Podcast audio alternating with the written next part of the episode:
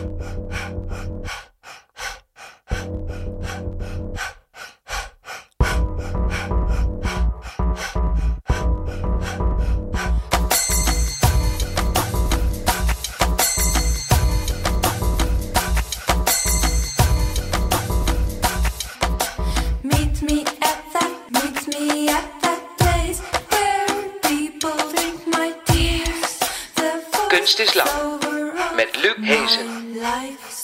Speak. Goedenavond dames en heren, welkom bij Kunst is Lang, het interviewprogramma over hedendaagse kunst in samenwerking met Mr. Motley, het online kunsttijdschrift. Je hoort ons op Amsterdam FM of natuurlijk later via podcast. En we zijn nu live te volgen op Facebook via de pagina van Motley. Zoek dat even op en dan zie je hier uh, Tudor Bratou zitten. En Salome Rodenburg, die is ook de gast. Zij luistert naar wat er hier gezegd wordt, hoe het ges- gesprek zich eh, voltrekt. En dan gaat ze op tekenen, schilderen, alles wat nodig is eh, eh, binnen haar artistieke visie om ons eh, goed vast te leggen. En aan het eind van die uitzending hoor je over een project dat op crowdfund website voor de kunst staat. Een documentaire over gentrification, een sterke opwaardering van een buurt in een van de hipste plekken in New York, Williamsburg. En er komt mogelijk een documentaire over kunstenares Paulien, die in de buurt wordt, eigenlijk uit de buurt wordt verdreven, die, die gewoond heeft lange tijd en daar nu weg is. Daarover straks meer en over de vraag hoe we dat in Nederlandse steden gaan voorkomen. Daar wil ik natuurlijk ook alles over weten. Maar eerst, zoals gezegd, Tudor Bratou. Hij kwam op zijn negende vanuit Roemenië naar Nederland. En in 1986 was dat en hij groeide hier op. Hij begon met fotografie, maar de laatste jaren verbindt hij die foto's aan beschouwende essays, maquettes en video's. Zijn werk maakt helder hoe tijdloos en gestructureerd de processen van migratie en uitsluiting zijn. Hij vervlecht bijvoorbeeld de huidige vluchtelingenstroom vanuit Syrië met eerdere vluchtelingen voor het Sovjetregime, zowel voor als na de Tweede Wereldoorlog. En door een combinatie van feiten en persoonlijke verhalen legt hij de positie van de vluchteling bloot. En natuurlijk, niet onbelangrijk, hoe de beschermingsmechanismes van niet-vluchtelingen werken en hoe ze de vreemdeling op afstand kunnen houden. Welkom, Tudor. Hoi, Leuk dat je er bent. dankjewel. Jij bent geboren in, Roemenië, in een hele interessante tijd in de geschiedenis eigenlijk. Maar ik kan me zo maar voorstellen dat heel veel mensen niet die geschiedenis van Roemenië goed kennen. Zou je die heel kort kunnen samenvatten vanaf de Tweede Wereldoorlog? Oh, vanaf de Tweede Wereldoorlog. Oké, ehm, ja. Ehm, nou ja, eh, Roemenië was een, eh, een, koninkrijk eh, in principe. Ehm, tijdens de Tweede Wereldoorlog heeft er een staatsgreep plaatsgevonden door generaal Antonescu. Dat was een extreemrechtse generaal. die op ja, de zijde van Hitler heeft gekozen in de oorlog. Ehm, koning Mihai, die onlangs is overleden, volgens mij een jaar geleden, denk ik. eh, ja, werd dan verbannen. Eh, die, de koning is later teruggekomen aan het einde, tegen het einde van de oorlog en heeft met eh, de hulp van de Sovjets de rechtsgeneraal weer verdreven. En toen is hij weer afgezet door de Sovjets, in principe. Ehm, en er is een soort van puppetregime eh tot stand gekomen met eerst eh Georgiou Dej en dan vanaf eh, eind jaren 50 eh Ceausescu. En ja, goed, eh, Ceausescu's dictatuur was eh, tot midden jaren 70 eigenlijk vrij menselijk. Dat, had, eh, dat is communism with a human face, we Oké. zeggen. Mhm.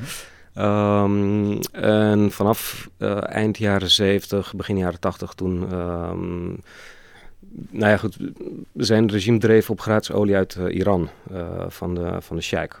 En de sheik werd dan verdreven door de Ayatollahs. En daarmee hield ook zeg maar, de eh, gratis olie op.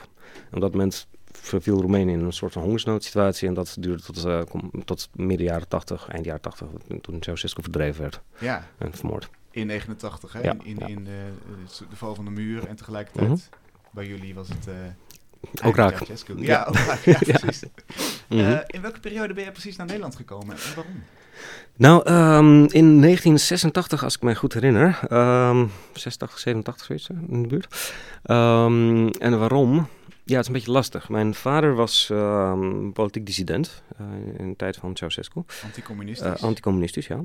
Hij heeft eh, redelijk veel geschreven tegen communisten. En daardoor is hij ook een paar keer in de cel beland. En is uit vers- verschillende functies ontzet enzovoort.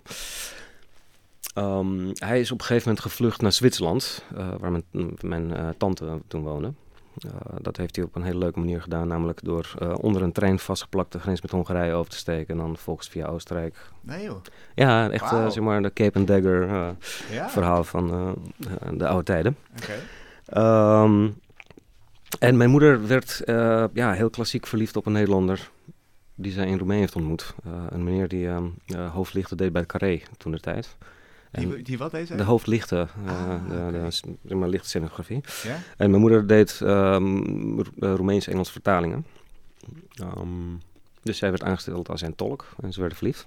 Oké. Dat was eh, de tijd van geen eh, telefoons, maar eh intermenselijk contact. Ja, och, ja, ik, heb het, ik heb het niet meegemaakt, dus Nee, vertel ja, er niks over. Ik weet Ja, het allemaal niet. ik- En ehm, eh, toen zijn, ben jij dus naar Nederland gekomen, Ja, hè? Op negenjarige leeftijd, als ik het goed heb? Nee, ik ben hier negen geworden. Volgens mij was ik acht. Oké. Ehm, dat moet ik allemaal even goed natellen. Maar ja.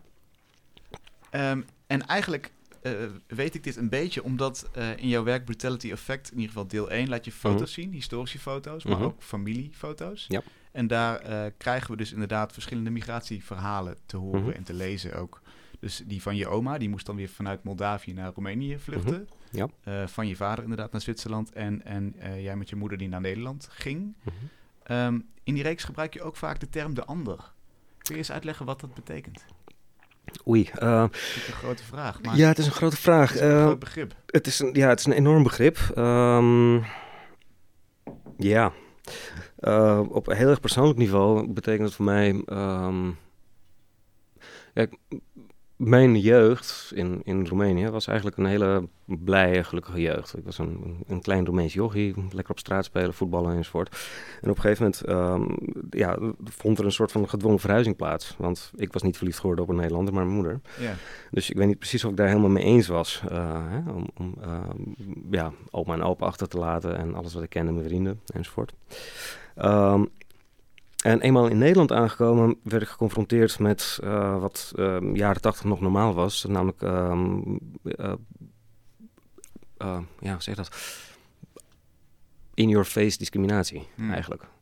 Weet Welke even- vorm kreeg dat? Hoe merkte je dat? nou, ja, goed. Dus je moet je voorstellen, jaren 80, eind jaren 80, hongersnood, Oost-Europees kindje met een bloempotkapsel, eh handgebreide truien. Hè, dus het gaf een redelijke aanleiding. Ehm, die dan op een basisschool in Halfweg komt. Uh, Zwanenburg eigenlijk.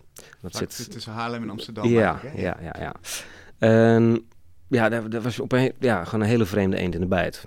Ehm, ik sprak een beetje Engels, eh, natuurlijk geen Nederlands. En daar herinneren we dus een eerste episode in van, van, van een soort van eh othering. Wat heel bewust ging, of misschien wel onbewust, dat ben ik nog steeds niet helemaal uit. Maar het was met eh, mijn eh, basisschooldocent, die... Nou, ik moest plassen. Dus ik vroeg in het Engels van, could I please go to a toilet? Mhm. En mijn basisschooldocent uh, antwoordt in het Nederlands. Dat kan alleen maar op het moment dat je het in het Nederlands zegt. En dat was natuurlijk tegenoverstaan van de hele klas. Nou, wat er dan gebeurt, is dat je een situatie creëert waarbij dat ene vreemde figuur heel erg vreemd wordt.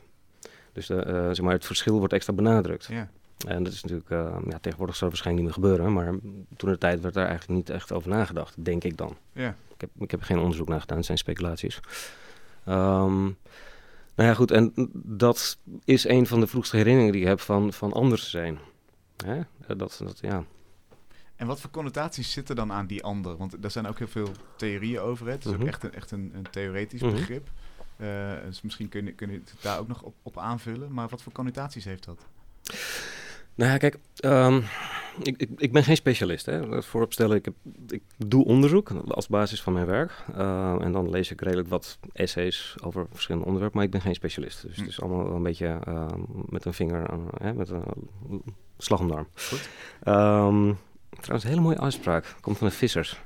Een touwtje om een arm binnen, zodat je houvast hebt. Ah, oké. Okay. Uh, dat is de slag om de arm. Ja. En dat is de speling die je hebt. Ja, ja precies. Ja, okay, ja. Um, nou ja, de connotaties eraan vastzitten zijn. Um, kijk. Um, als je nu tegenwoordig naar, naar, naar uh, migratiedebat kijkt. Uh, vooral immigratie natuurlijk, niet emigratie. Dat is natuurlijk ook een debat waardig. Maar uh, dan wordt, worden migranten op dit moment voorgesteld als alien beings. Uh, zeg maar, niet eens, geen mensen, dingen eigenlijk. Uh, entiteiten. Um, redelijk vormeloos. Dus het gaat niet over um, vrouwen met een eerste kind of, of um, oudere mannen of gepensioneerden of hè, oorlogsveteranen enzovoort. Maar gewoon puur de ander. En dat, dat ander beeld, dat beeld van de ander, wordt dan zo abstract mogelijk gehouden. Zodat ehm, er een verschil, nou, of, nou het verschil tussen hier en daar extra wordt benadrukt. Ehm, daarmee wordt denk ik psychologisch een gevoel gecreëerd van, van oké, wij zijn dit, wij, wij zijn ons Hm, groep. en zij zijn hè, apart. En daarbinnen krijgen ze ook een conflict betreffende menselijkheid. Eh, wat dan langzaam maar zeker ontstaat. Ehm, wat doe je met de ander? Nou, als de ander niet uitmaakt en als de ander niet gelijkwaardig is, dan kan je ermee doen wat je wil. Dus je hoeft hem niet ehm, te helpen, bijvoorbeeld. En je hoeft hem niet te ontvangen, je hoeft hem niet als gelijkwaardig te behandelen. Hm. En dat betekent dan weer impliciet dat je ehm, zeg maar, de twee menselijkheden, die van de ander en die van jezelf, niet gelijkwaardig gesteld hoeven te worden. Ja. En, en daar zit dus ook een machtsrelatie in en, en, Ja. en, en, eh, Ja, een inderdaad. totale ongelijkheid. Mhm. Misschien is, is een mooi voorbeeldje wel van eh, ehm, wat je hebt meegemaakt. Je hebt, je hebt dus hier in Nederland eh, de Rietveld Rijksacademie. Mhm. 2015, we gaan even door in de tijd. In 2015 zit je in Boedapest voor een residency. In En- eh, Graz, sorry, niet in Budapest. In, sorry? In Graz, in Oostenrijk. Oké, in Graz. Eh, en je besluit om met vluchtelingen te gaan praten, met ze mee Mhm. te reizen, hè? Ja. vanuit Graz naar Duitsland toe. Eh, dan zit je in de trein en tegenover je een gesluierde vrouw. Mhm. En dan stapt er in Regensburg een ouder stel in. Mhm. En ja, wat ze eigenlijk zegt, markeert volgens mij heel goed de scheidslijn tussen het ons gevoel en de ander. Ja. Dat, dat, dat komen we in jouw werk tegen. Wat zegt ze? Ze zegt, ja, je hoort hier niet in het Duits dan. Mijn Duitse uitspraak doe ik even liever niet na. Maar en, ja, en dat is natuurlijk een hele rare. En, ehm, Jij hoort hier niet. Nee, en eh, kijk, ja, die mevrouw zat daar met haar kind en waarschijnlijk nog een andere kind dat in de buurt zat, eh, op stoelen die waarschijnlijk gereserveerd waren. Dus dan komt het Duits koppeltje in de trein en kijkt, nou ja, ja, ja, je hoort hier niet. En in de zin van, u heeft hier niet voor gereserveerd. Hmm. Uh, maar het is een ambiguë boodschap natuurlijk. Het is op heel veel manieren op te vatten. En ja, Duitsland heeft een geschiedenis. Sorry, eh, hè, dat, dat, dus Ja. toen ik dat hoorde, was ik eigenlijk geschokt. Ehm, dat het van mensen kwam die, die eh, de gevolgen van de Tweede Wereldoorlog ehm, en de andere soort treinen die door Regensburg zijn gegaan toen de tijd, eh, eigenlijk zich heel erg goed konden herinneren. Ja, dat waren niet de, de klein, klein achterkleinkinderen van, maar de kinderen van. Hmm. Ehm, dus ja, die, die uitspraak was natuurlijk is heel erg zwaar beladen voor mij. Ja. En, en ehm, is het zo subtiel? Want, want die omgang Mhm. met die ander is natuurlijk niet... Kijk, als je iemand op straat vraagt... Mhm. zou jij een ander willen helpen? Dan, dan zegt natuurlijk 90% ja. Maar het is ook op een gegeven moment zo geïnstitutionaliseerd... Mhm. dat het misschien uit het zicht verdwenen is... dat, dat je er niet mee te maken hebt. Eh, is het zo fijngevoelig? Ehm, ja, dat is, dat is een hele lastige voor mij, want... mm, kijk, dat weet ik niet. Ik weet dus ook niet of, of 90% op straat, als gevraagd wordt, wil je de ander helpen, ja zouden zeggen. Hmm. Ehm, ik, ik denk dat dat een aanname is. Ik heb Mhm. geen idee. Ik denk dat het afhangt van waar je bent op dat moment. Ehm, ik bedoel, ja, ik ben al een tijdje niet meer in Zwanenburg en Halweg geweest, maar ik vraag me af of dat daar ook zo, weet je wel, 90% versus 10% is. Ehm, ja, ik, ik, nee, dat, dat, kan ik heel even op, geen antwoord op geven. Ja. Ehm, dat is echt een punt van, ja, te- iets te veel speculatie voor mij. Jij, jij verweeft natuurlijk niet voor Mhm. niks in zo'n, Mhm. in zo'n fotoreeks, Mhm. een diareeks met teksten... ook jouw eigen geschiedenis daarin. Is dat een, ge- een geschiedenis van ontworteling? Vo- Voel jij jezelf ook die ander nog steeds? Ehm, nou, ja, ja daar zit, dat is een beetje, ja, er zit een, dus een, ehm, een educational glitch in, zeg maar. Ehm, kijk, ontworteling komt op het moment dat je ontworteld wordt. Het is namelijk het is iets wat, wat, wat je aangedaan wordt. Mhm. Niet in, per se als slachtofferrol. Dus die, die rol eigen ik me zeker niet toe. Ehm, maar het- ja, Dus je moet verhuizen. Je ja, precies. Dat, Het- dat de- is ontworteling. ja, je, het is een verplichting. Ja. Zeg maar, in mijn geval had ik daar eigenlijk geen keuze in. Ja. Ehm, ik, ik ga ervan uit dat mm, migratiegolf op dit moment, welk bestaat uit oorlogsvluchtelingen en economische vluchtelingen, eigenlijk ook niet voor lol verhuizen. Nee. Ja, dus dat, daar zit ook een soort van dwang aan. Daar zat ik vanmiddag over na te denken, in een beetje voorbereiding met, voor het interview. Van hoe leg je dat nou uit, hoe verdedig je het? En ging ik op een gegeven moment nadenken van oké, dat is maar te verdedigen vanuit eh, een gelijkwaardige ervaring. Ehm, dus op het moment dat je... mm, bijvoorbeeld, er wordt nu selectie gemaakt tussen economische migranten en oorlogsmigranten. Eh, ik vind dat een hele foute selectie. Want wanneer is het de laatste keer geweest dat in Nederland een hongersnood was? Hè? En hoe kan, je, hoe, hoe kan je daarmee omgaan? Dus je kan mensen niet kwalijk nemen dat op het moment dat ehm, vanwege nou, global warming of vanwege een oorlog in een andere mm, naburige staat watertoevoer wordt afgesloten, opeens akker droog loopt, er is geen eten meer. Ja, mensen moeten eten, dus dan moeten ze weg en Hmm. dan moeten ze dus waar het eten zit. Ja. Dus je zegt, maar dat, dat gaat eigenlijk meer over het Mm. eh, draagvlak kweken bij de rest van de bevolking, zeg jij. Dus je moet kunnen Eh, zeggen, denk eens aan die ervaring die jij hebt gehad, namelijk die honger. En, en dus ja, snappen en, mensen en, mensen ja, inderdaad. Neem een beetje verantwoordelijkheid, maar wees ook coulant. Ehm, wees ook handig. Bijvoorbeeld vergrijzing in Nederland op dit moment is natuurlijk wel een groot probleem. En dan denk je van oké, dan zijn eigenlijk wat, wat eh, eh, jonge mensen redelijk nodig. Als je Ja. kijkt naar het pensioenstelsel en dat soort dingen in de toekomst, de toekomstvoorspelling. Ehm, maar het debat wordt gevoerd op een heel vlak niveau, wij versus de rest. En daar ben ik dus redelijk op tegen, eigenlijk helemaal op tegen. Dat, ja. Ja. Hoe zou dat anders kunnen? Hoe zou het anders moeten? Mm. Nou, ehm, hm. ja, dat weet ik dus niet. Eh, dat, dat is een hele lastige eh, voor mij. Eh, er zijn meerdere lijnen. Ik denk dat e- één lijn eigenlijk te vinden is in ehm, doe wat je preekt. Dus eh, wees standvastig met, je, met, met, met eh, balans tussen taalgebruik en actie. Dus op het moment dat je een land als Nederland presenteert als, eh, als een humanistisch staat, Hm. eh, en met een, met een, met een ehm, verlichtingsideaal, wat nog steeds nagestreefd wordt, ja, dan moet je daar ook actief voor vechten. En dan moet je daar ook zeg maar, de daden aan verbinden die, daar, die daarbij horen. Gasvrij zijn bijvoorbeeld. Bijvoorbeeld, ja. Ja, ja. ja.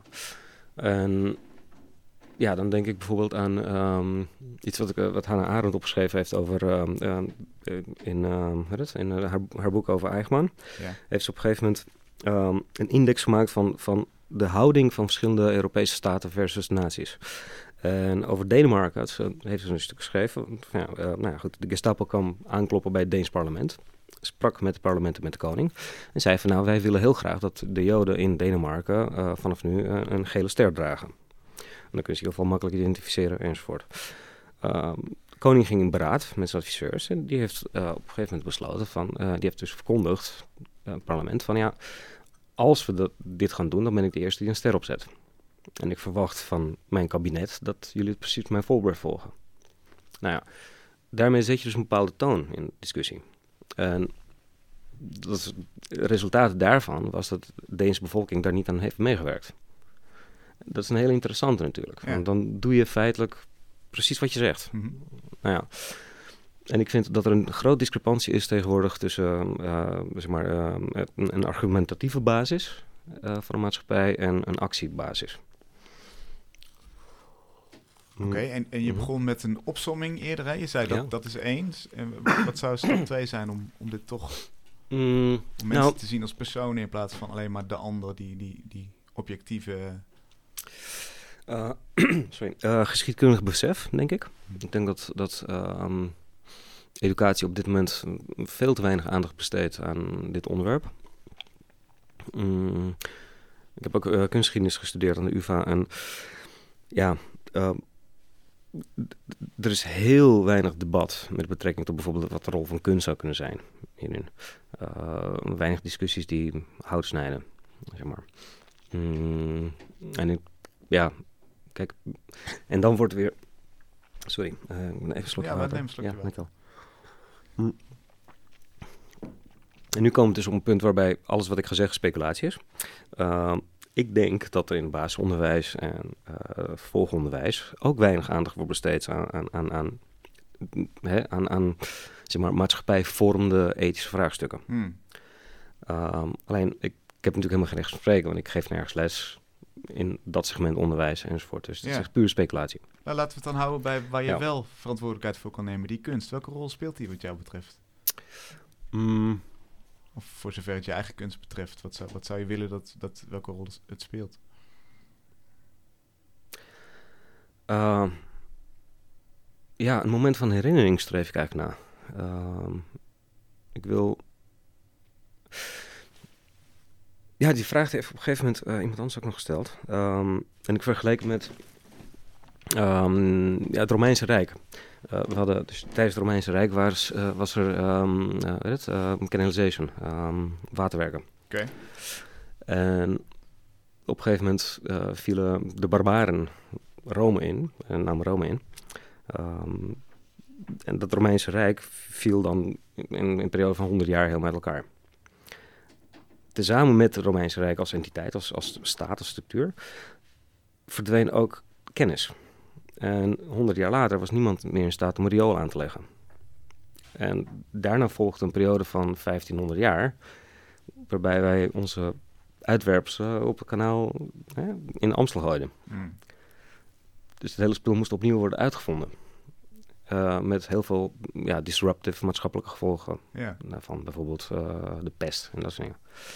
Ehm, stel je vraag nog eens, want ik ben een beetje afgedwaald geloof ik. De rol van kunst ging het me om.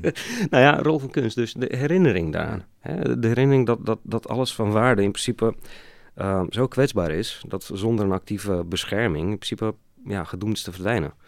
En dat het veel makkelijker is om af te glijden naar, naar ehm, eh, ja, barbaarse toestanden... ehm, dan om jezelf op te trekken richting beschaving. En, en dat is wel grappig, want je zou ook kunnen zeggen: dit is, dit is eh, het domein van de geschiedenis, bijvoorbeeld. Om heel goed en feitelijk te documenteren wat er gebeurd is en te laten zien: dit gebeurt nog steeds. Of, waar, waar zit de specifieke kunstrol in? Want, want een, een deel fictie speelt daarmee misschien, of een deel emotie. Of, of welke bouwstenen zijn er? Schakel jij in om, om dat Hmm. als kunstwerk te laten slagen?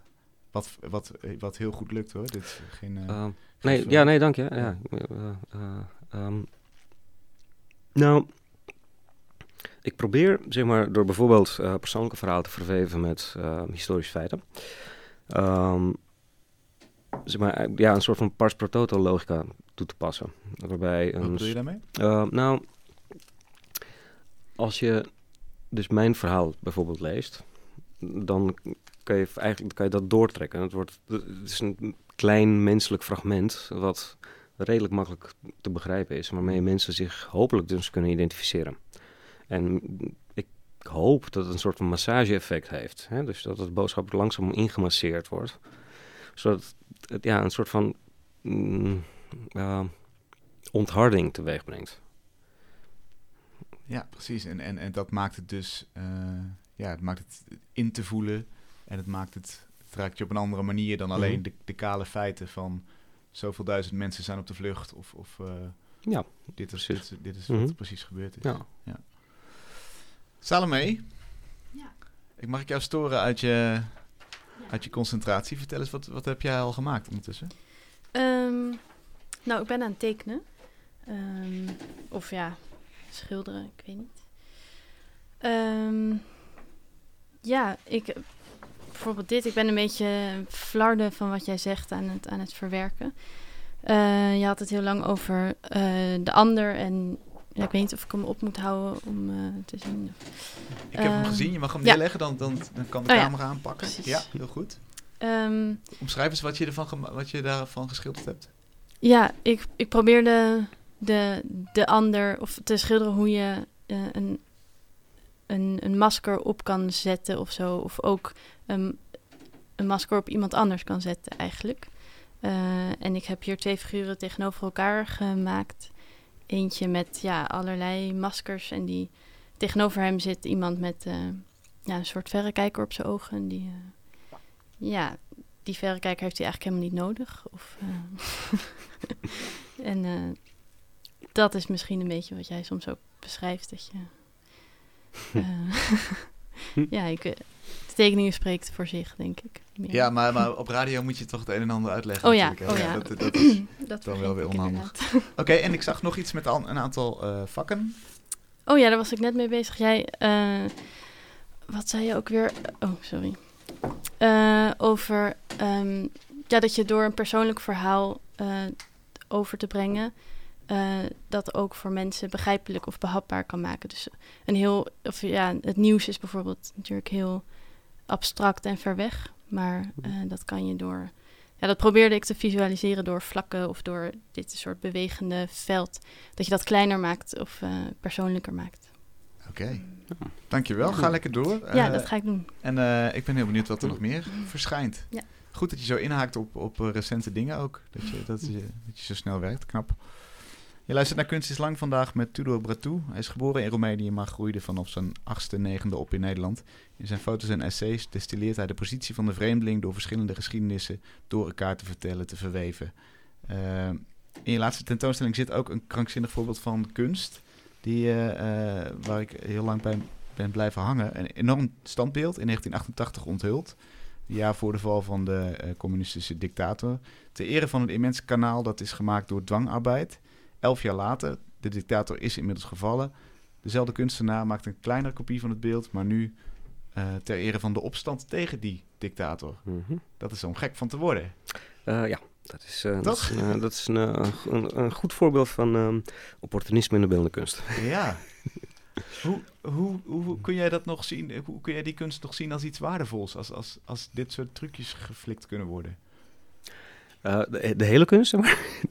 Jij, jij ziet het als, als een eh, Nou, vervelende... Nee, ja, kijk, ik, eh, ik zie, ik, ehm, ja, zonder op tenen te willen trappen. Kijk, ik, ik denk dat opportunisme in de kunst eh, wel een probleem is tegenwoordig. Ehm, en dan kijk ik bijvoorbeeld naar Ai Weiwei, die graag op stenen wil trappen, hierbij. Eh, met hè, eh, zijn nagemaakte foto van eh, het dood aangespoeld jongetje op het strand. Ehm, Hij ging in dezelfde pose, Ja. liet, liet hij zich fotograferen hè, als die, die overbekende foto. Precies.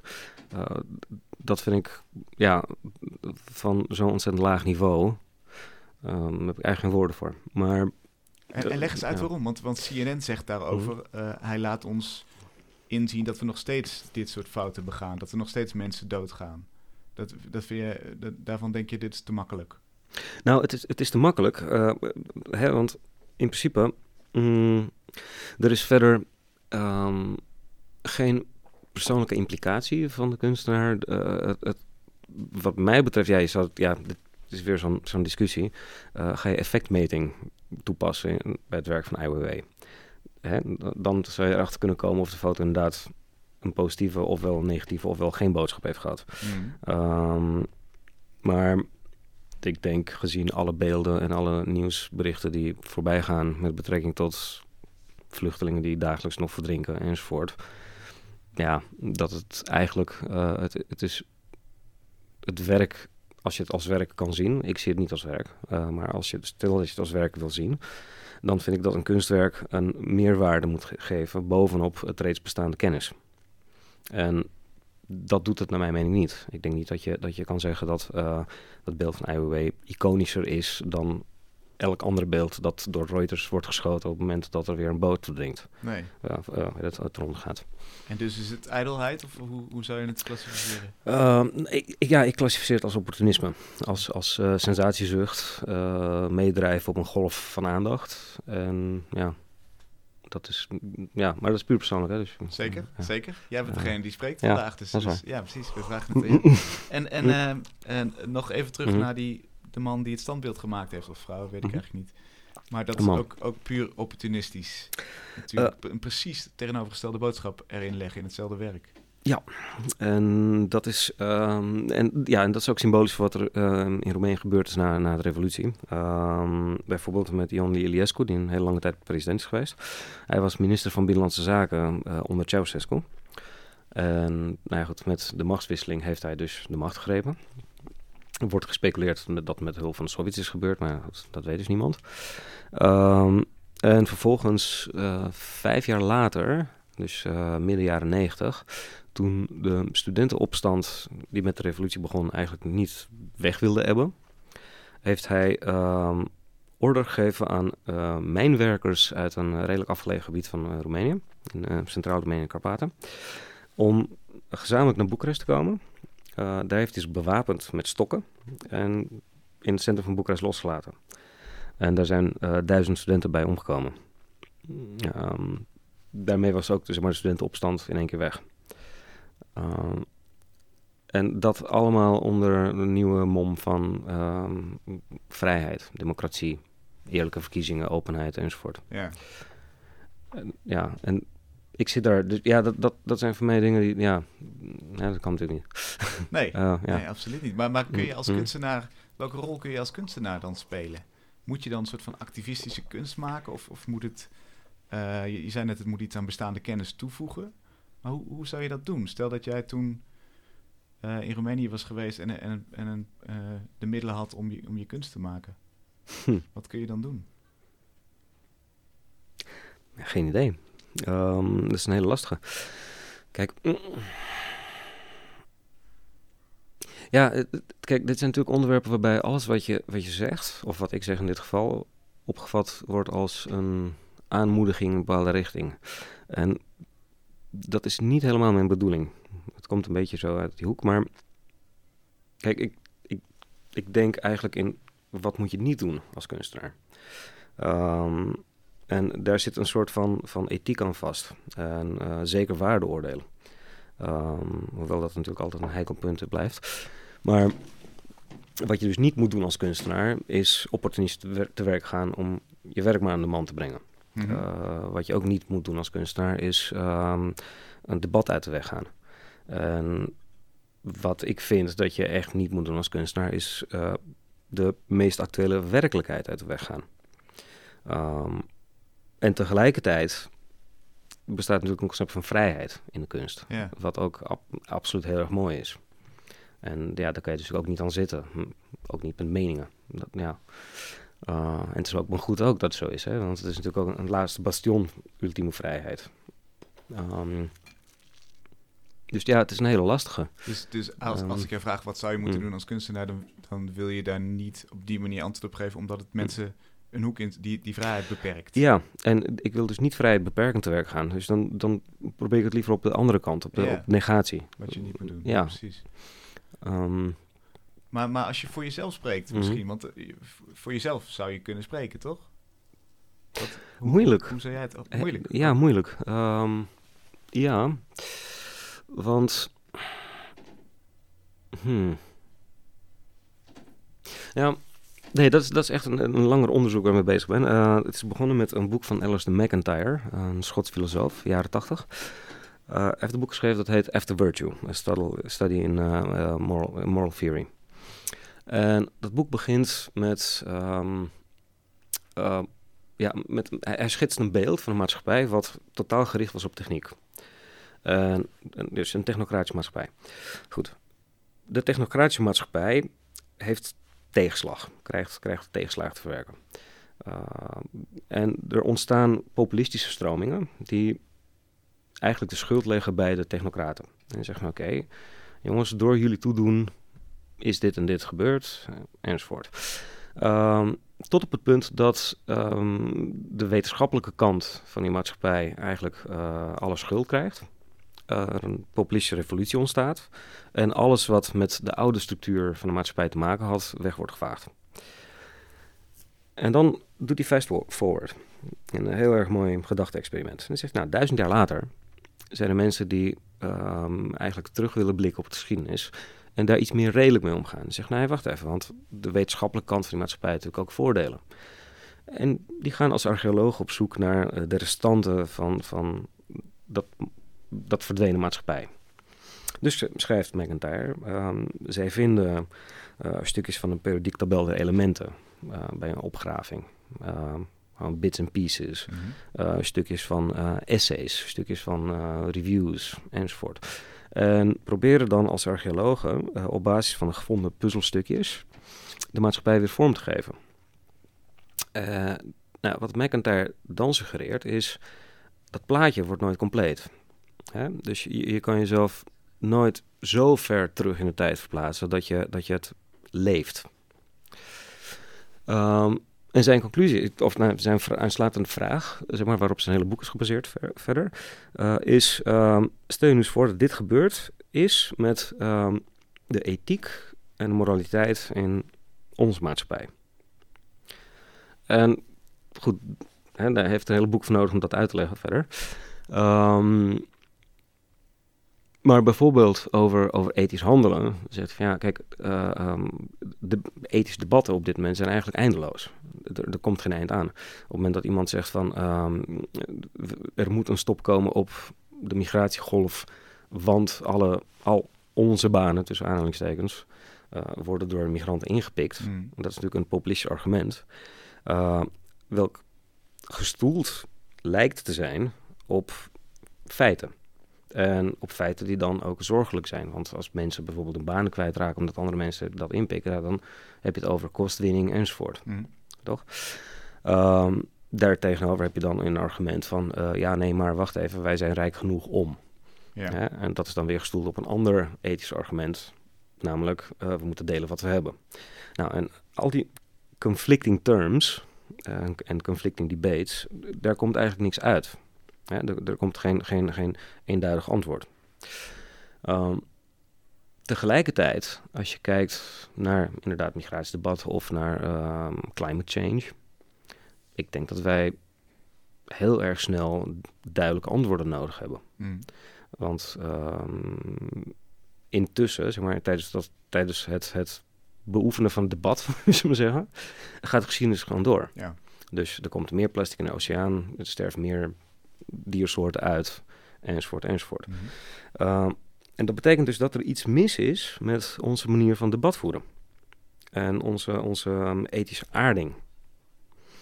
Want de praktijk blijkt dat de situatie eigenlijk alleen maar verergert. En de andere kant van de praktijk laat zien dat we er niet uitkomen. ja. Dus hoe, hoe, hoe breng je dat met elkaar in evenwicht? En daar komt de kunst om de hoek, stel ik me zo voor. Nou ja, een klein steentje wat bijgedragen kan worden zo bij tijd en wijle. Ja. Eh, Kun je dat eens Ja. illustreren met, met bijvoorbeeld een project waar je nu mee bezig bent? Hoe, hoe, waar begin je? Hoe geef je dat vorm? Ehm, ja, nou, ik ben nu heel even met geen enkel werk bezig. Oké. Eh, even voor, voor duidelijk, en neem heel even pauze. Zeg Ja, maar. goed, ook, ook belangrijk. Ehm, met ja, je vorige werk dan, het laatste. ja, nou ja, waar ik dan begin is, ehm, eh, wat is nou urgent? Waar, ligt een urgentie? Wat is een urgent onderwerp? En heb ik daar zelf ehm, in alle eerlijkheid naar mijzelf toe eh, recht van spreken in? Ehm, niet objectief natuurlijk, maar wel ehm, in- intern onderbouwd, zullen we zeggen. Sorry, dus ik ga redelijk scherp bij mezelf te raden van oké, eh, op het moment dat ik hier iets wil zeggen, eh, ben ik dan aan het speculeren? Ben ik dan eh, mezelf mijn carrière aan het vooruit aan het helpen? Of eh, is het een, een oprechte boodschap? Is het oprecht iets wat ik echt vind dat gezegd moet worden? Ja. Nou, in het geval van eh, migratievraagstuk, omdat het heel erg dicht bij mijn geschiedenis en mijn familiegeschiedenis eh, ligt, vond ik dat ik recht van spreken had. En dan ga ik dat onderwerp bestuderen. En dan is het ehm, goed, Tudor, wat heb je zelf ervaren? Nou ja, eh, vervreemding toen je in Nederland aankwam. Ja, goed. Eh, vond je zelf hetzelfde als Nederlanders of anders dan Nederlanders? En wat, wat zat daartussen? Wat zat tussen jou en Nederlanders in, bijvoorbeeld? Ehm, hoe heet dat? Hoe kan je dat laten zien? Hoe kan je dat benadrukken? Hoe kan je het verbeelden? Ehm, heeft het connecties met de dingen die nu in de wereld plaatsvinden en dan verder gebeuren? Ehm, heeft het verder nog actuele maatschappelijke consequenties? Nou, en dan ga ik dus dat heel erg rustig, zo gestructureerd mogelijk opbouwen. Ja. En ik probeer daar ja, door onderzoek, lezen en schrijven een beetje uit te komen. Dus als een soort van Socrates ga jij, eh, be- bevraag jij je eigen, je eigen werkmethode. Met, Ehm. met bijna niet te beantwoorden vragen. Ehm, ja, Nou ja, eh, laten we, je, je Ja. hoeft jezelf niet met Socrates te vergelijken Nee, en hier een antwoord op te geven. No worries. uh, Eh, eh, maar, misschien iets gedetailleerder over Mm. die vraag. Wat, wat staat er in tussen jou en, en de Nederlander? Hoe, daar ben ik wel benieuwd naar. Wat heb je daarop geformuleerd? Ehm, nou, ik heb daar nooit echt iets op geformuleerd. Ehm, en hier komen we weer op een heel raar vlak. Namelijk, wat is nou de Nederlander? Hè? Dus dat, dat is echt een Nederlanders als jij hem ervaart, dat is het enige waar je vanuit kan gaan natuurlijk. Nou ja, kijk, wat ik, wat ik dus ervaar, dat is, ook- dat is ook een beetje een probleem. Hè? Want ehm, spreektaal gaat dan heel snel ehm, door de korte bocht. Dus dan zeg ik tussen mij en de Nederlander in. En waarom zeg ik dat? Niet om te zeggen van oké, dat is de Nederlander. Maar omdat ik op het moment dat ik zeg maar, ehm, eh, naar Nederland kwam, de identiteit van een Roemeen had. En wat is dat? Dat weet ik ook niet precies. Maar ik weet wel dat er een verschil zat Ja, tussen mijn identiteit en die van de ander. Ja. Dus dan ga je in spreektaal opeens zeggen, ja, ik aan die kant en de Nederlander aan die kant. Maar dat klopt natuurlijk helemaal niet. Ga je mee in de tweedeling? Precies. Ja. En dat gebeurt natuurlijk, ja, dat, daar zit een soort van, van probleem in spreektaal. En je hebt er bijna een essay voor nodig om dat weer uit te leggen. De, alle, alle subtiliteiten en alle, alle ehm, ja, eh, zeg je dat, Ehm, kanttekeningen, footnotes. Ja, ja. Ehm, maar toen ik als jongetje hier naartoe kwam, had ik bijvoorbeeld ehm, ja, in de lokale context van Halleweg en Zwanenburg. ehm, nee, ik zal, ik zal eens iemand anders citeren. Eh, Ton van Helm, een hele goede vriend van mij, is, eh, is, heeft, ja, hij was hoogmanager manager bij Shell tijdens zijn carrière. En hij is een groot kunstliefhebber ook. We hebben heel veel gesprekken hierover, omdat hij ook in uh, Zwanenburg is opgegroeid. En natuurlijk een hele andere tijd. En natuurlijk was hij gewoon een, een boerenzoon in, in, in Zwanenburg.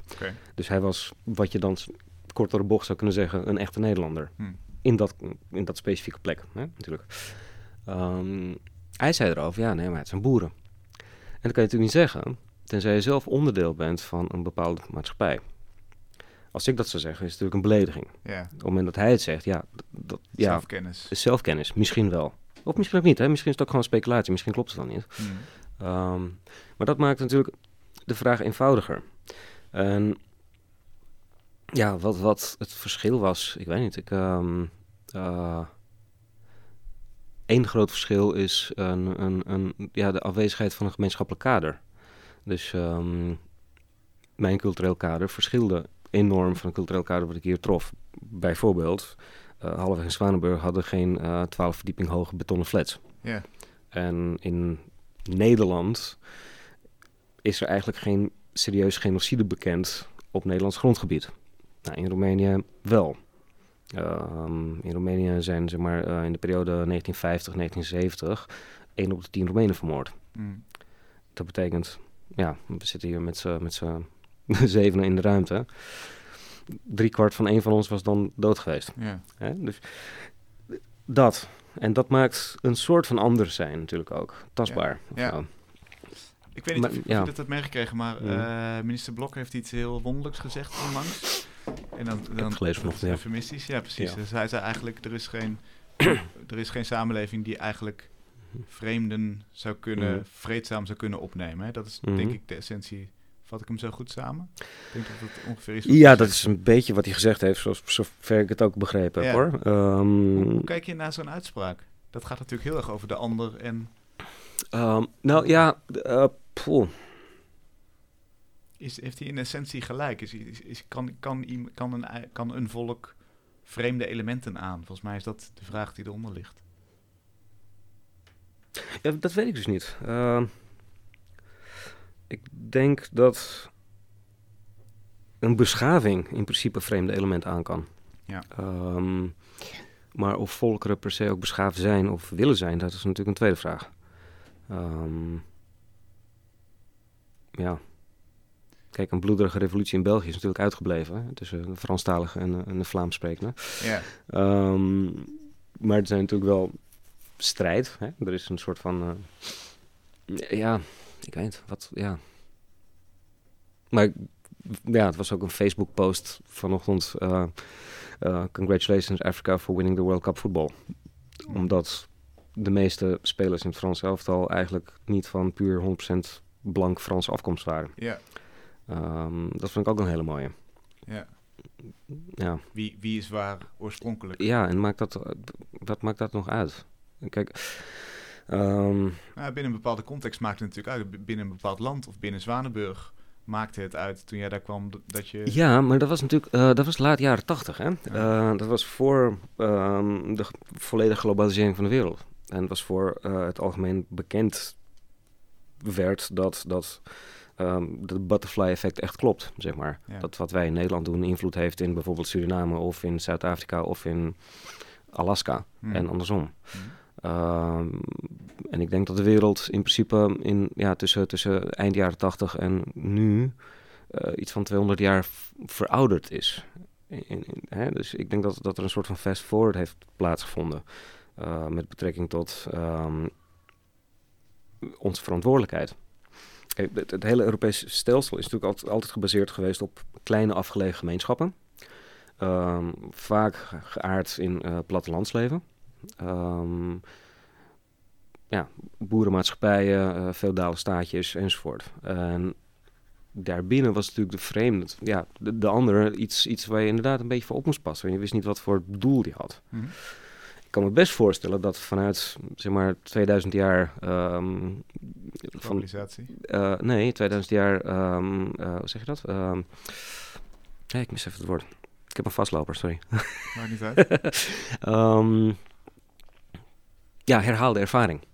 Oké. Dus ja. een soort van educationeel proces waarbij 2000 jaar lang, ehm, als je ja, eh, dat vanuit eh, Jezus Christus eh, tijdperk wil bekijken, een soort van permanent ander geweerd werd. Want het was lastig voor de, de kleine gemeenschapjes. Hmm. Maar we zijn niet meer op die plek. Hè? We zijn niet meer in, in zo'n soort geschiedenis. Eh, We zijn steeds meer, in ieder geval in Noordwest-Europa, Amerika, China zelfs, eh, onderweg naar eh, Open Global Society. Ja. In ieder geval eh, economisch, politiek, hè, eh, betreffende eh, klimaatverandering, politieke keuzen enzovoort. Dus je, ja, je, je Is het kan, dan een kwestie van tijd tot, tot die ander niet meer bestaat? Tot, totdat iedereen de ander is en er dus geen ander meer is? nou, Is dat weer te kort door de bocht? Nou, het, het is, ik, ik denk dat dat eigenlijk de enige uitweg is Ja. van de situatie. Ehm, dus het gelijkschakelen van iedereen. Ehm, in die zin ook redelijk terug naar communisme. In de zin van ehm, ja, een klassiek communisme. Dus we delen alles. En dan ook zo gelijkwaardig mogelijk. Maar dat is natuurlijk totaal utopisch. Ja. En het zou best kunnen dat voordat eventueel kan gebeuren, nog heel eventjes een paar oorlogen zullen meemaken. Ik hoop En- het niet. Uitroeiingsgolven en dat soort dingen. Ja. Maar ja, ik, ja, ik weet het. Als ik mezelf zo hoor praten, dan is het echt, ja, het is gewoon van de zot eigenlijk. Ja, nou ja ik, ik weet het. Ik bedoel, kijk, ehm, mm, Omdat je denkt dat het niet klopt, of omdat je hoopt dat het niet waar is? nou, omdat, omdat, ik- ik- eh, ehm, kijk, mijn jeugd vond plaats voor internet, voor, voor kennis. In principe. Internet betekent ehm, Toegang tot kennis. Ja, en ontzettend snel ook. En in mijn tijd, ik bedoel, eh, achteraf gezien kan ik mm, ja, mijn basisschoolleraar het niet kwalijk nemen dat hij op een bepaalde manier mee om is gegaan. Hij wist niet beter. Prima. Ja, en mijn klasgenootjes die daarna zeiden van... hé, hey, eh, tering buitenlander, rot naar eigen land. Letterlijk. Eh, kan ze ook niet kwalijk nemen. Zij wisten ook niet beter. Nu weten we allemaal inmiddels echt alles beter. En zelfs mensen die nog steeds eh, vreemde populistische discours aanhangen, zoals Wilders, die weten het ook beter. Ja, het is onmogelijk dat alle informatie aan hun voorbij is gegaan. Hmm. En, maar er is nog steeds sprake van een soort van verstarring in, in een oud structuur. Een soort van angst om ja, deuren open te gooien en wat nieuwe, wat frisse wind binnen te laten. Ehm, maar dat maakt natuurlijk ook bepaalde dingen dan weer heel lastig. eh, zoals eh, ratificatie van het Klimaatakkoord van Parijs. Mhm. Hè? En mensen die dan samen gaan werken om emissies terug te dringen, enzovoort, enzovoort. Wat dan weer effect heeft op zowel ehm, de, de ene partij als de andere partij. Ik hoop heel erg dat jij hierin eh, je volgende kunstwerk gevonden hebt. In, dit- in dit Ik hoop- onderwerp. ja, misschien. Volgens mij is de, is de bevlogenheid in ieder geval aanwezig. En je hebt Ja. ook de, de agency om er iets over te zeggen. Dankjewel. Dank je ook. Fijn dat je hier was. Thanks. Salome, wat is er nog bijgekomen? Eh, ja, één tekening. Eh, ja, er werd best veel eh, gesproken over mensenmassa's. En toen dacht ik, ja, hoe, hoe kan ik een mensenmassa eh, tekenen? En hoe kan ik een persoon of een figuur zo'n anoniem mogelijk gezicht geven? Oh, Eh, hoe, hoe snel wordt een gezicht een gezicht? Ja. Ehm, en deze mensenmassa heeft eh, allemaal stokken bij zich en daaraan zitten oren vast. Ik eh, weet nog niet helemaal waarom. Normaal zijn het misschien luidsprekers juist, maar Ja. deze, deze mensen zijn heel stil aan het luisteren naar. Ik vind het er mooi en heel creepy uitzien tegelijk. Ja, het is best creepy inderdaad. Dankjewel. Fijn dat je naar ons wilde luisteren en daar eh, iets moois van wilde maken. Ga vooral naar mrmotley.nl om uit te vinden hoe dat eruit ziet. Oren op stokken en, eh en mensenmassa. Dankjewel, Salome. En wij sluiten af zoals altijd met Voor de Kunst, de website waarop mooie projecten staan die gesteund kunnen worden via crowdfunding. En deze week is dat Yara Hannema. Zij wil een documentaire gaan maken over de mysterieuze kunstenares Paulien. Een vrouw wiens leven is gekleurd door gentrification. Proces waarbij delen van de stad worden opgewaardeerd, vaak door de kunstenaars in een wijk te zetten die er goedkoop kunnen wonen. En als die buurt dan te hip is geworden, wordt het vastgoed voor heel veel geld verkocht. Zo gaat het toch? Zo is het precies. Zo is het ja. precies. Hè? Wie, wie is Paulien? Pauline is een Nederlandse kunstenares die in de jaren tachtig eh, naar New York ging. Ze had één grote droom, ze had twee kleine kinderen, maar ze wilde kunstenares worden. Ze wilde het maken zoals iedereen in New York. Ja. Ehm, en dat mislukte eigenlijk, want haar kunst werd niet echt opgepikt. En zij had een erfenis van haar vader. En ze kocht een, een halfbakken eh, huis wat op instorten stond in Williamsburg. Wat in die tijd, in de jaren tachtig, enorm slechte wijk was. Eigenlijk de slechtste wijk van New York. Op elke straathoek waar een moorden was echt eh, gewoon niet leefbaar eigenlijk. Echt een warzone als je het op foto's ook terugziet. Maar zij, eh, ja, ze dacht, ik, ik, ik zie toch kansen. Het ligt dicht bij Manhattan. Het is echt, eh, je ziet aan de overkant Manhattan liggen. Dit moet toch wel een keer wat worden. Dus zij, zij is daar gewoon komen zetten. Het lukte dus niet als kunstenares. Maar ze had een schuurtje in haar achtertuin en is een gallery begonnen. En dacht, nou ja, dan nodig ik maar kunstenaars uit. En dan gebeurt het toch een beetje bij mij. En dan eh, ben ik toch met kunst betrokken op een andere manier. Mhm.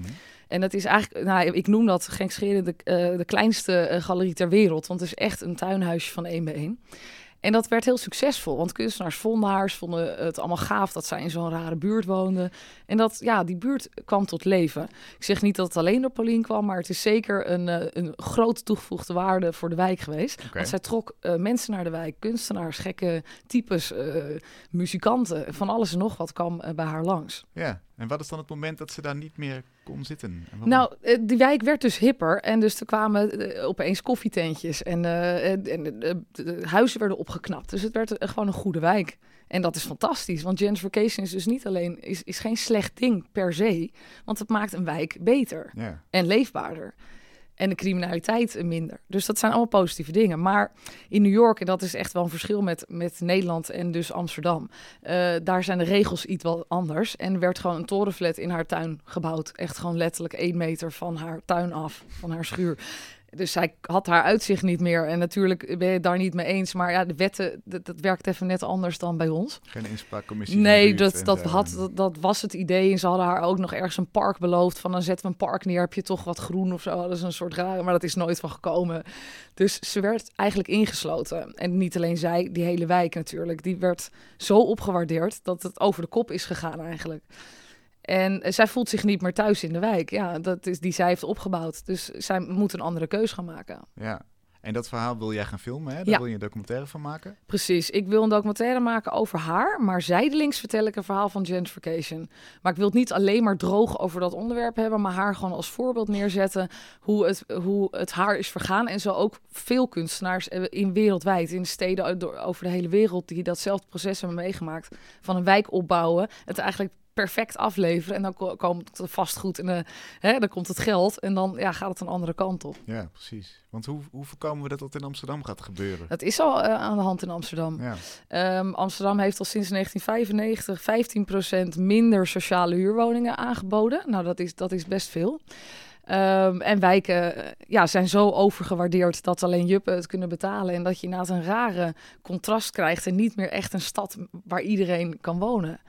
En dat kan je voorkomen door nieuw beleid eh, te, te maken. En ja, de vraag is ook vaak, is het de schuld van Airbnb? Hè? Dat wordt dan altijd gezegd. ja tegenwoordig wel. Ehm. Ja. Maar je moet wel je huis openstellen. eh, dus als, als jij in de Jordaan woont en je denkt ik wil geen Airbnb, dan moet je dus je kamer niet verhuren. Dat is heel Mhm. simpel. Mhm. Maar wat er gebeurt waardoor het Airbnb uit de hand loopt, is dat ehm, eh, grote bedrijven straten opkopen. Hè? Of rijke Russen of Chinezen, whatever. Ja. En dat wordt problematisch. En die gaan dan mensen ingooien. En dan heb je niet meer echt ja, controle op wat er in je wijk gebeurt. En dan wordt het een soort zielloze straten die je dan krijgt met alleen maar rolkoffers. Ja, dat zou je niet moeten willen. Maar het is heel moeilijk om dat echt eh, in, banen te leiden. En dat moet een politieke beslissing zijn Ik, ik, eigenlijk. ja, ik zou het wel denken, ja. Maar het is, het is op dit moment echt een hot topic. Want Amsterdam heeft net een brief geschreven met nog wat andere steden eh, naar de VN. Mhm. Eh, dus Barcelona, Berlijn, Parijs. Om aan te geven van, ja jongens, we weten niet meer wat we moeten doen. Maar er gaat iets mis in, in ons, in de steden. Ja, bescherm Ja. ons tegen het grote geld. Eigenlijk wel, maar waar, hoe doe je dat? dat is, daar komen zij ook nog niet uit. Vandaar echt een noodkreet nu naar de VN. Ik weet niet wat ze kunnen doen, maar dat Ja. zegt wel de, de- het probleem eigenlijk goed. En is dat een lijntje wat we ook nog in jouw documentaire gaan zien? Of wordt het vooral Pauline en Williamsburg? Nee, ja, het lijntje. Ik wil ook zeker wel wat beleidsmakers in New York spreken over van wat hun idee eh, erover was eh, om een torenflat te, bou- te bouwen. Dus we willen zeker dat wel meenemen. Ja. Eh, want Pauline verhaal, dat is, dat is inderdaad, dat is één kant. Maar de, eh, eh, nogmaals, gentrification hoeft dus helemaal niet iets slechts te betekenen. Ja. Het is ook heel positief voor wijken. Eh, maar alleen is het dan soms zo positief dat het zijn succes ten onder gaat, zeg maar. En dat is de. En ja, in New York speelt ook wel geld een, een grote rol. Want de huizen zijn gewoon al in eh, de sociale huurwoningen. eh, in New York zijn bijvoorbeeld 2000 euro per maand. Dus ja, daar is al, hey, dat is al helemaal scheef. Ja. Ja. Heeft Pauline een nieuwe slechte wijk gevonden?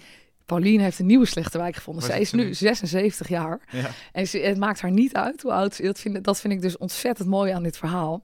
Eh, op haar 76ste is ze verhuisd naar Newburgh. Dat is een, een stad 150 kilometer upstate New York. Eigenlijk dus uit eh, stad New York. Mhm. Eh, en dat is ook een hele slechte wijk. Daar is ze net een gallery begonnen. En ze gaat gewoon opnieuw beginnen. En ze gaat daar de wijk weer kleur geven eigenlijk. Maar is het dan het lot van alle kunstenaars dat die, dat die steeds maar de, eh, in de voorhoede moeten lopen en goedkoop moeten beginnen? Ik denk het bijna wel, want dit is echt wat je altijd ziet in elke stad. Zijn de kunstenaars die komen als eerst. Die zien kansen ergens waar een ander het niet ziet. En daar is de rol van een kunstenaar super, super belangrijk Ja, in de maatschappij. Ja precies. Een soort van kanarie in, in, de, in de coal mine zou ik bijna zeggen. Absoluut, Ja. echt. Ja. Hoeveel geld heb je nog nodig om het tot Nou, een documentaire te schoppen? Ik zat er net eh, te kijken, want ik heb voor de kunstloop nog een paar uur. Of morgen is het afgelopen, geloof ik. En we Oh, zitten op 101 procent. Dus ik heb het gehaald. Maar we hebben, dat is maar, maar 5000 euro. Ik wilde crowdfunding eh, niet een heel groot bedrag eh, doen, maar een, een startbedrag. Snap En ik. we hebben, dit is 25% van wat we nodig hebben, maar we gaan in ieder geval beginnen, hadden we bedacht. En dan subsidies nog verder aanvragen en kijken wie ons nog wil helpen. Perfect. Dus, maar meer is welkom. Dan mag Meer is zeker eh, welkom, ja. Oké, oké. Dankjewel. Leuk dat je er was. Dankjewel. Succes met je project. Tot zover Kunst is Lang voor deze week. Ga naar mrmotley.nl voor meer informatie over het werk van Tudor. En dan zie je ook wat Salome hier live maakte. Volgende week zijn we er weer en dan zit Arno Kramer hier. Heel graag tot.